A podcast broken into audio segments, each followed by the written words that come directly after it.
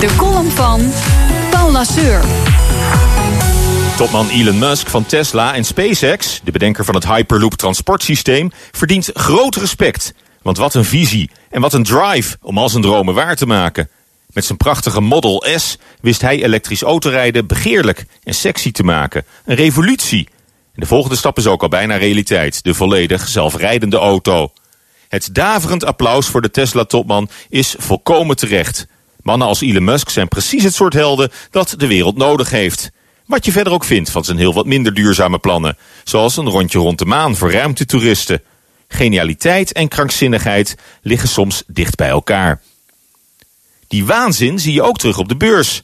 Beleggers lijken wel gek geworden. Het aandeel Tesla is een enorme zeepbel die elk moment uiteen kan spatten. Sinds vorige week is Tesla op de beurs meer waard dan branchegenoot Ford.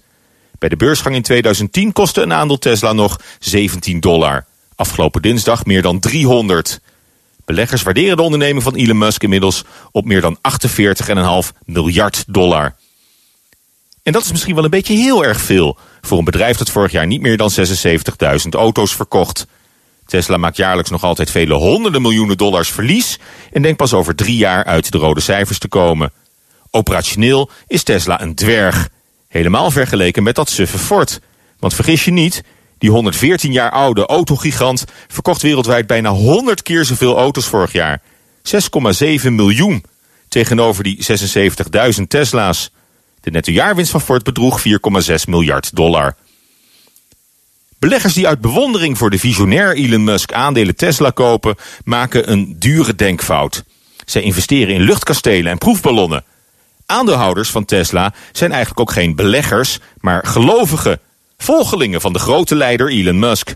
Het aandeel Tesla is ook geen investering in duurzaamheid, maar een glamour stock, net als Ajax of Ferrari. Leuk voor de fans, maar als degelijke belegging nauwelijks serieus te nemen.